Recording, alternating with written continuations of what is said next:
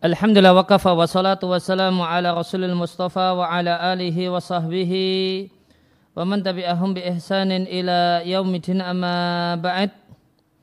Kaum muslimin dan muslimah rahimani wa rahimakumullah kembali kita lanjutkan bahasan fikih poligami dari kitab Ahkam Ta'addud fi Dawil Kitab wa Sunnah karya Ihsan Al-Utaibi hafizallahu ta'ala Terakhir kita baca uh, sejumlah hadis tentang larangan mempoligami seorang perempuan dengan bibinya atau berarti seorang perempuan dengan keponakannya. Kalau dari sudut pandang yang lain, ya, maka kalau keponakan di, kemudian dengan bibinya nikahi keponakan kemudian nikah lagi dengan bibinya atau nikahi bibi kemudian nikahi dengan keponakannya. Di antaranya dari sahabat Abu Hurairah radhiallahu anhu Rasulullah sallallahu alaihi wasallam bersabda, "La yujma'u bainal mar'ati wa ammatiha wala bainal mar'ati wa khalatiha." Tidak boleh mempoligami seorang perempuan dengan bibiknya dari jalur ayahnya, tidak pula dengan bibiknya dari jalur ibunya. Diatkan oleh Al-Bukhari dan Muslim. Fihi masailu, hadis ini memuat sejumlah pelajaran. Pelajaran utamanya adalah haramnya mempoligami seorang perempuan dengan bibiknya baik dari jalur bibik dari jalur bapak atau dari jalur ibu. At-Tirmidzi mengatakan uh, isi kandungan uh, hadis ini diterima dan diamalkan oleh mayoritas ulama.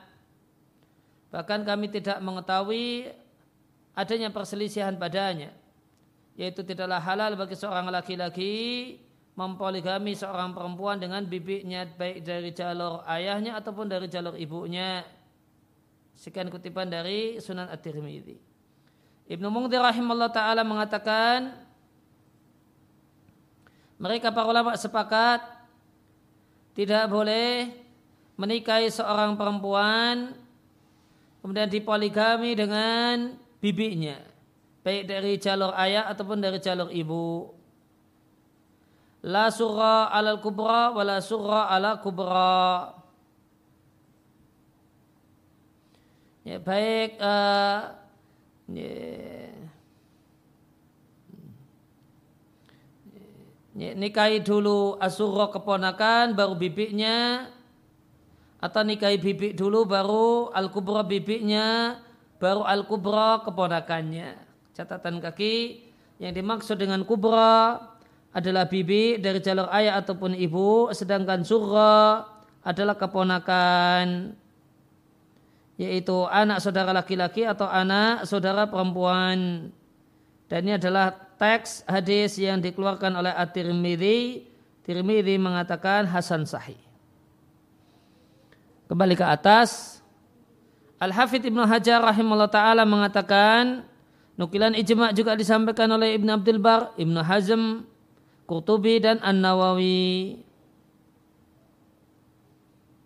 Namun Ibn Hazm mengatakan kecuali pendapat Usman Al-Batti, ya, salah satu ulama fikih terdahulu ya, dari kalangan eh, penduduk Basrah dan cara bacanya adalah dengan di fathah huruf yang titiknya satu dan di tasdid huruf yang titiknya dua. Kemudian An-Nawawi juga mengatakan kecuali pendapat sekelompok khawarij dan syiah. Sedangkan Qurtubi mengatakan kecuali pendapat khawarij saja. Ya, walafduhu redaksi Qurtubi, khawarij memilih pendapat bolehnya mempoligami di antara ya, kakak beradik dan seorang wanita dengan bibiknya namun la yu'taddu bi khilafihim. Pendapat beda dari khawarij tidak teranggap karena mereka adalah orang-orang yang melesat keluar dari agama. Indah sekian kutipan dari Fatul Bari. Dan Al-Hafidh Ibnu Hajar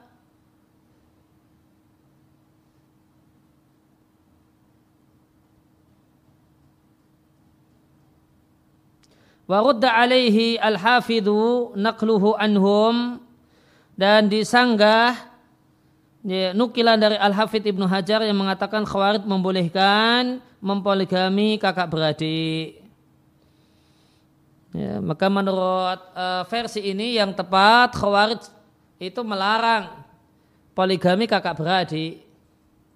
Ya, hanya membolehkan poligami bibi dengan keponakannya. Halaman 50.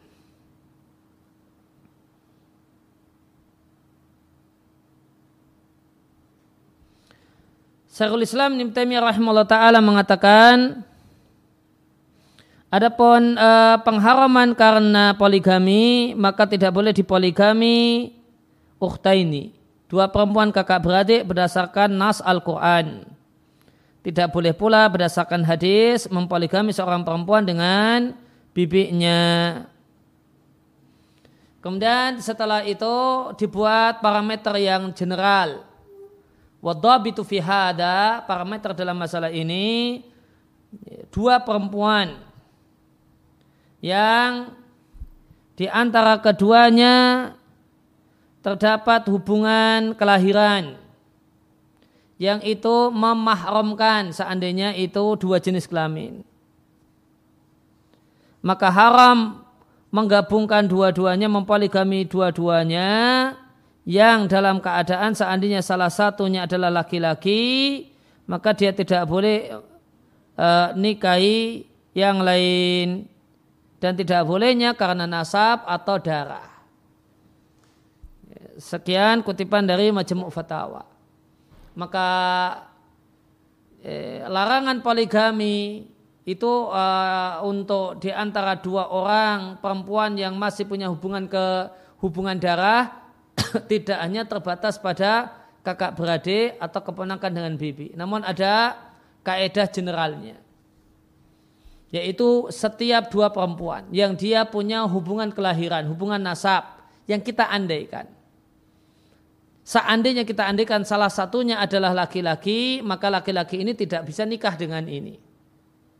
Nah, dua perempuan ini realitanya tapi realitanya dua-duanya perempuan. Cuma seandainya Salah satunya laki-laki, laki-laki ini tidak boleh nikah dengan perempuan ini.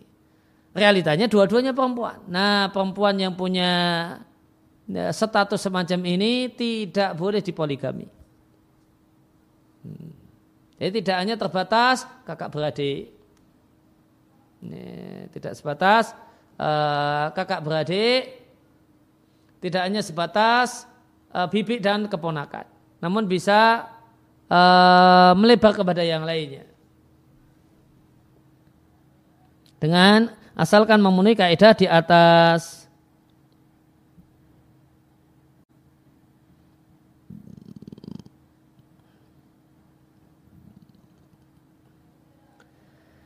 Nah, kemudian pelajaran yang kedua tentang masalah poligami uh, bibik dengan ke, uh, bibik dengan keponakan la farqa. Tidak ada beda antara bibi tersebut hakiki atau majazi. Bibi hakiki itu saudaranya bapak atau saudaranya ibu. Bibi majazi saudaranya kakek. Ini saudaranya uh, mbah, mbah buyut dan seterusnya. An-Nawawi rahimallahu taala menyampaikan hadis ini dalil untuk pendapat para ulama seluruhnya haram mempoligami seorang perempuan dengan amatiha dengan bibiknya dari jalur dari jalur ayah dan bibiknya dari jalur ibu. Baik bibik ini adalah bibik hakiki yaitu saudara perempuan ayah atau saudara perempuan ibu atau bibik di sini bibik majazi yaitu saudarinya kakek abil ab atau saudarinya Abil Jad, bapaknya kakek, di atasnya kakek, berarti Mbah Buyut, wa in ala dan demikian seterusnya. Ya, itu namanya bibi majazi. Bapaknya, saudarinya kakek, Mbah Buyut, kalau dalam bahasa Jawa, saudarinya Mbah Canggah, saudarinya Mbah Wareng, nah, itu semua statusnya bibi. Atau dari jalur ibu, saudaranya ibunya ibu, ibunya nenek, ya, baik dari jalurnya ibu atau dari jalurnya bapak dan seterusnya ke atas. Maka semua wanita ini dengan sepakat ulama haram menggabungkan keduanya dalam satu ikatan pernikahan dengan seorang laki-laki. Sekian kutipan dari Sarhal dari Sarah, Sarah Sahih Muslim. Syekhul Islam Taimiyah rahimahullah taala mengatakan tidak boleh ayat tazawwaja ya, menikah dengan ya,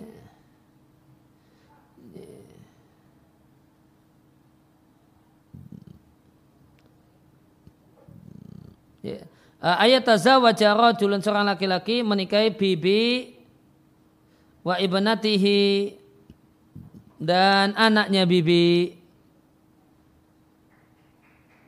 yaitu mempoligami keduanya karena Nabi Shallallahu Alaihi Wasallam naha melarang ya, mempoligami antara seorang perempuan dengan bibinya dari jalur ayahnya ataupun dari jalur ibunya. Dan ini satu hal yang disepakati di antara imam madhab yang empat. Dan mereka semua sepakat bahasanya hadis ini mencakup bibik dari jalur bapak, bibik dari jalur ibu, uh, bibiknya bapak, bukannya bibik asli, namun bibiknya bapak, atau bibiknya ibu, demikian juga bibiknya, uh, demikian juga bibiknya nenek. Bibik dalam artian saudaranya nenek, saudarinya nenek. Demikian juga mencakup bibi kulin minal abawaini. Masing-masing dari ayah dan ibu. Maka tidak boleh bagi seorang laki-laki mempoligami seorang perempuan. Ya, dia nikahi seorang perempuan ditambah khalah tetap bibi dari ayah si perempuan. Ya, tidak boleh dia menikahi seorang perempuan dengan bibinya. Demikian juga bibi dari ayah si ya, bibi dari ayah si perempuan.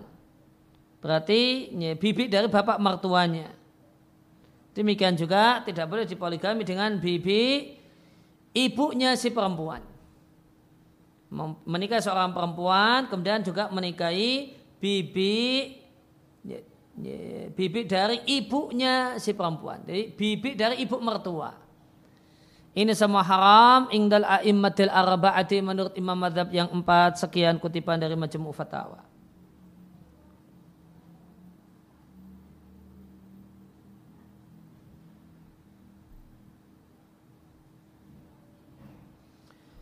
Kemudian Ibn Taimiyah juga ditanya tentang seorang yang mempoligami dalam satu ikatan pernikahan.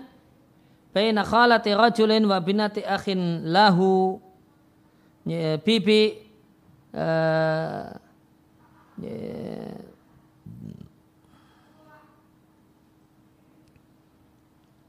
ya bibi. Kemudian anak perempuan saudara yaitu keponakan minal abawaini dari baik dari jalur ayah ataupun dari jalur ibu. Maka apakah boleh mempoligami keduanya ataukah tidak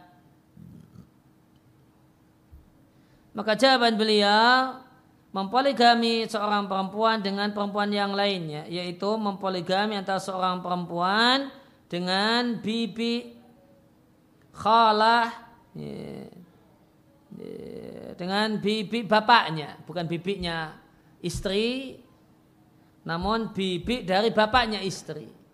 Yang ini adalah bibi majazi untuk istri. Karena tadi ada bibi hakiki, Ya, itu saudaranya bapak. Nah, kalau bibinya bapak, nah itu berarti bibi majazi.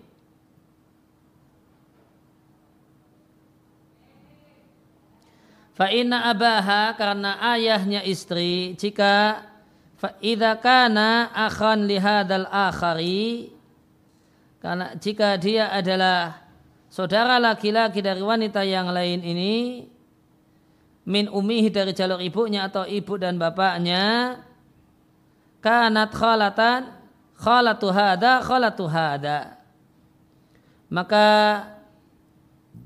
bibiknya dia adalah bibiknya orang ini. Ya, maka bibi bibiknya bapak, ya, bibiknya bapak, bibiknya ibu itu bibik kita. Statusnya bibik kita.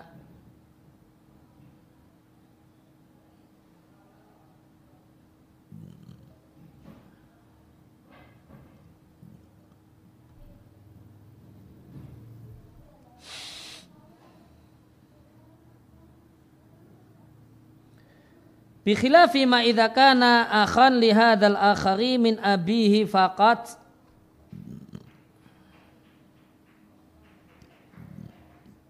Lain halnya idza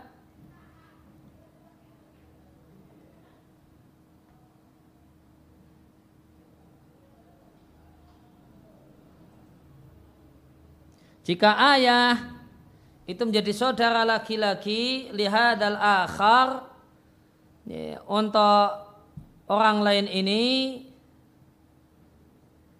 min abihi fakat dari jalur ayahnya saja. Fa inna la takunu khalata ahadihima khulata akhar. Maka ya, khalah yang satu itu tidak berarti menjadi khalah bagi yang lain bal takunu ammatahu namun bubah bukan khala namun jadi ammah.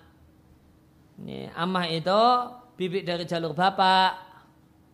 Ya, kalau khala bibik dari jalur ibu. Maka mempoligami antara seorang perempuan dengan khalah ayahnya atau khalah ibunya, ibu si perempuan atau dengan ammah. Ya, ama ayahnya ataupun ama ibunya itu status hukumnya sama seperti poligami antara seorang perempuan dengan bibi asli si perempuan. Dan seorang perempuan dengan khalah bibi asli dari si perempuan menurut imam kaum muslimin dan itu haram dengan sepakat mereka.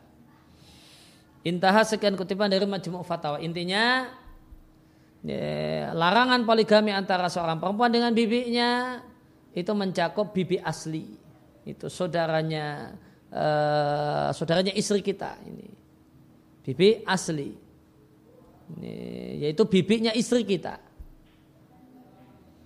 atau bibinya bibi majasi yaitu bukan bibinya istri kita namun bibi dari bapaknya istri bibinya bapak mertua artinya bapak mertua punya bibi nah maka menikahi e, bibinya bapak mertua ditambah nikahi sama si ini, ini si perempuan poligami semacam ini adalah poligami yang haram.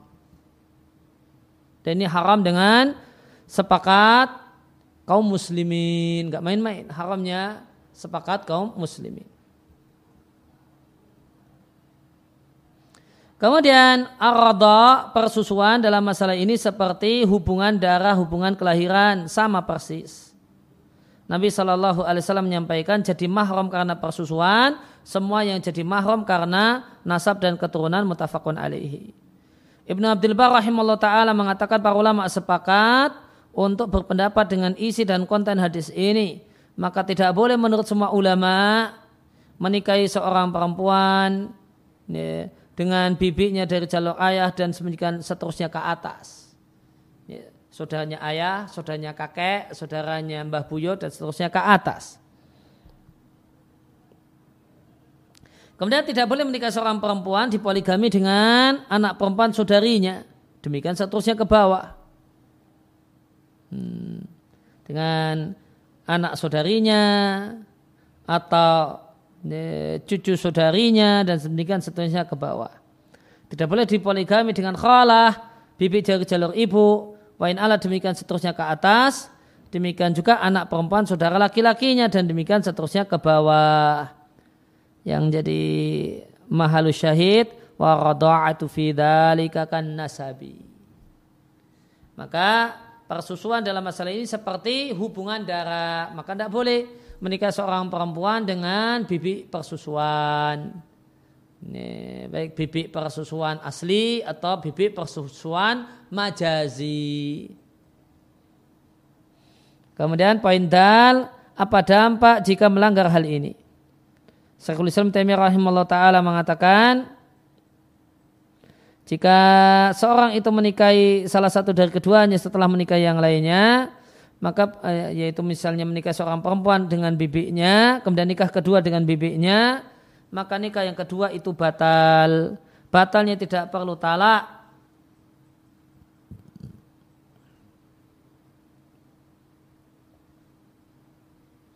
Wala yajibu bi'aqdin dan batal eh,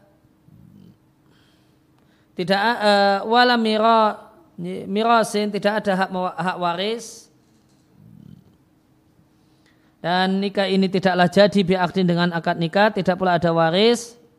Tidak halal bagi laki-laki menyetubuhi istri wanita yang kedua tersebut. Jika sudah terjadi persetubuhan dengan perempuan yang kedua maka dia memisahkannya sebagaimana uh, dipisahkanlah wanita yang bukan siapa-siapanya. Dan jika tetap ingin nikah dengan yang kedua, ceraikan yang pertama. Ya, karena yang kedua bibi, yang pertama keponakannya. Ya kalau mau sama bibinya ceraikan keponakannya. Faida qadat iddatuha maka jika telah telah habis masa idahnya baru menikah dengan wanita yang kedua.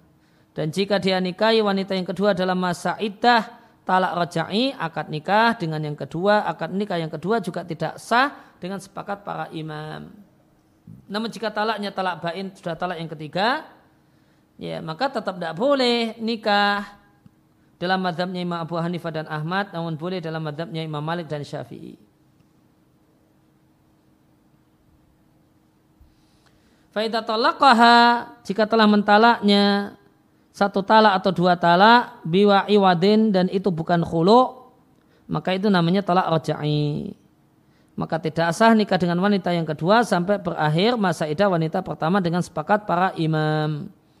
Jika nekat menikah dengan wanita kedua tidak boleh menyetubuhinya.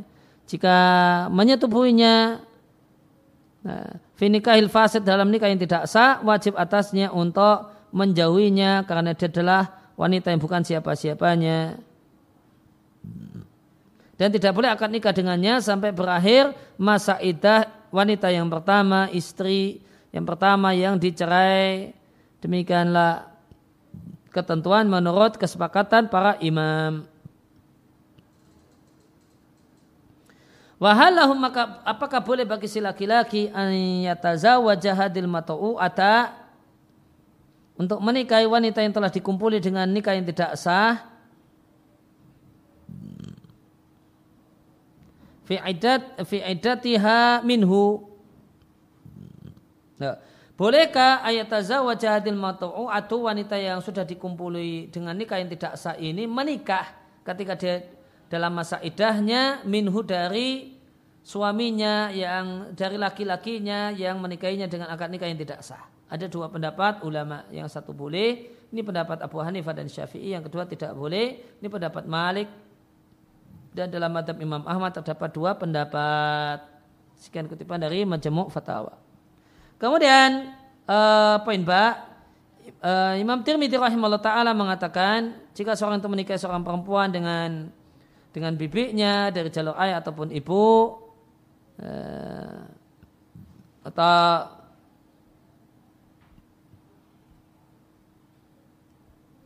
menikahi seorang bibi kemudian menikahi keponakannya anak perempuan dari saudara laki-lakinya maka nikah yang kedua dari dua kali pernikahan ini adalah nikah yang batal. Dan ini adalah perkataan mayoritas atau seluruh para ulama. Intah sekian kutipan perkataan Tirmidzi dalam Sunan At-Tirmidzi. Ya demikian yang kita kaji kita baca kesempatan siang hari ini wasallallahu ala nabiyina Muhammadin wa ala alihi washabihi wasallam wa alhamdulillahi rabbil alamin. Subhanaka allahumma wa bihamdika asyhadu an la ilaha illa anta astaghfiruka wa atubu ilaik